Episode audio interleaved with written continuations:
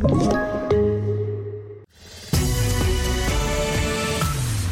TV4-nyheterna började i Tyskland där vallokalerna nu har öppnat. Drygt 60 miljoner ska avgöra vem som ska styra landet när förbundskansler Angela Merkel går i pension. Ja, de senaste opinionsmätningarna pekar ju på att Socialdemokraterna kommer bli det största partiet, eh, Kristdemokraterna några procent efter och sen eh, Miljöpartiet de gröna på tredje plats. Men det här är opinionsmätningar. Vi kommer få de första riktiga prognoserna klockan 18 ikväll. Då får vi en bättre aning och framåt 2023 kommer vi börja veta exakt hur det har gått. Det sa vår utrikeskorrespondent Jonas Källgren. Och valet kan du följa just nu på tv4.se.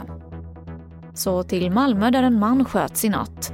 När polisen stannade en bil som körde i snabb hastighet så hittades den skottskadade mannen som höll på att skjutsas till sjukhus. En bit därifrån hittades flera tomhylsor och det är oklart om mannen var målet för skytten.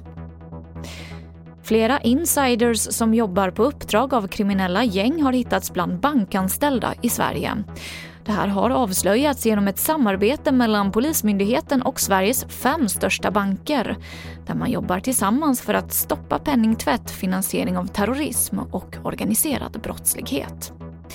Fler nyheter kan du följa i vår app TV4 Nyheterna. I studion Emily Olsson.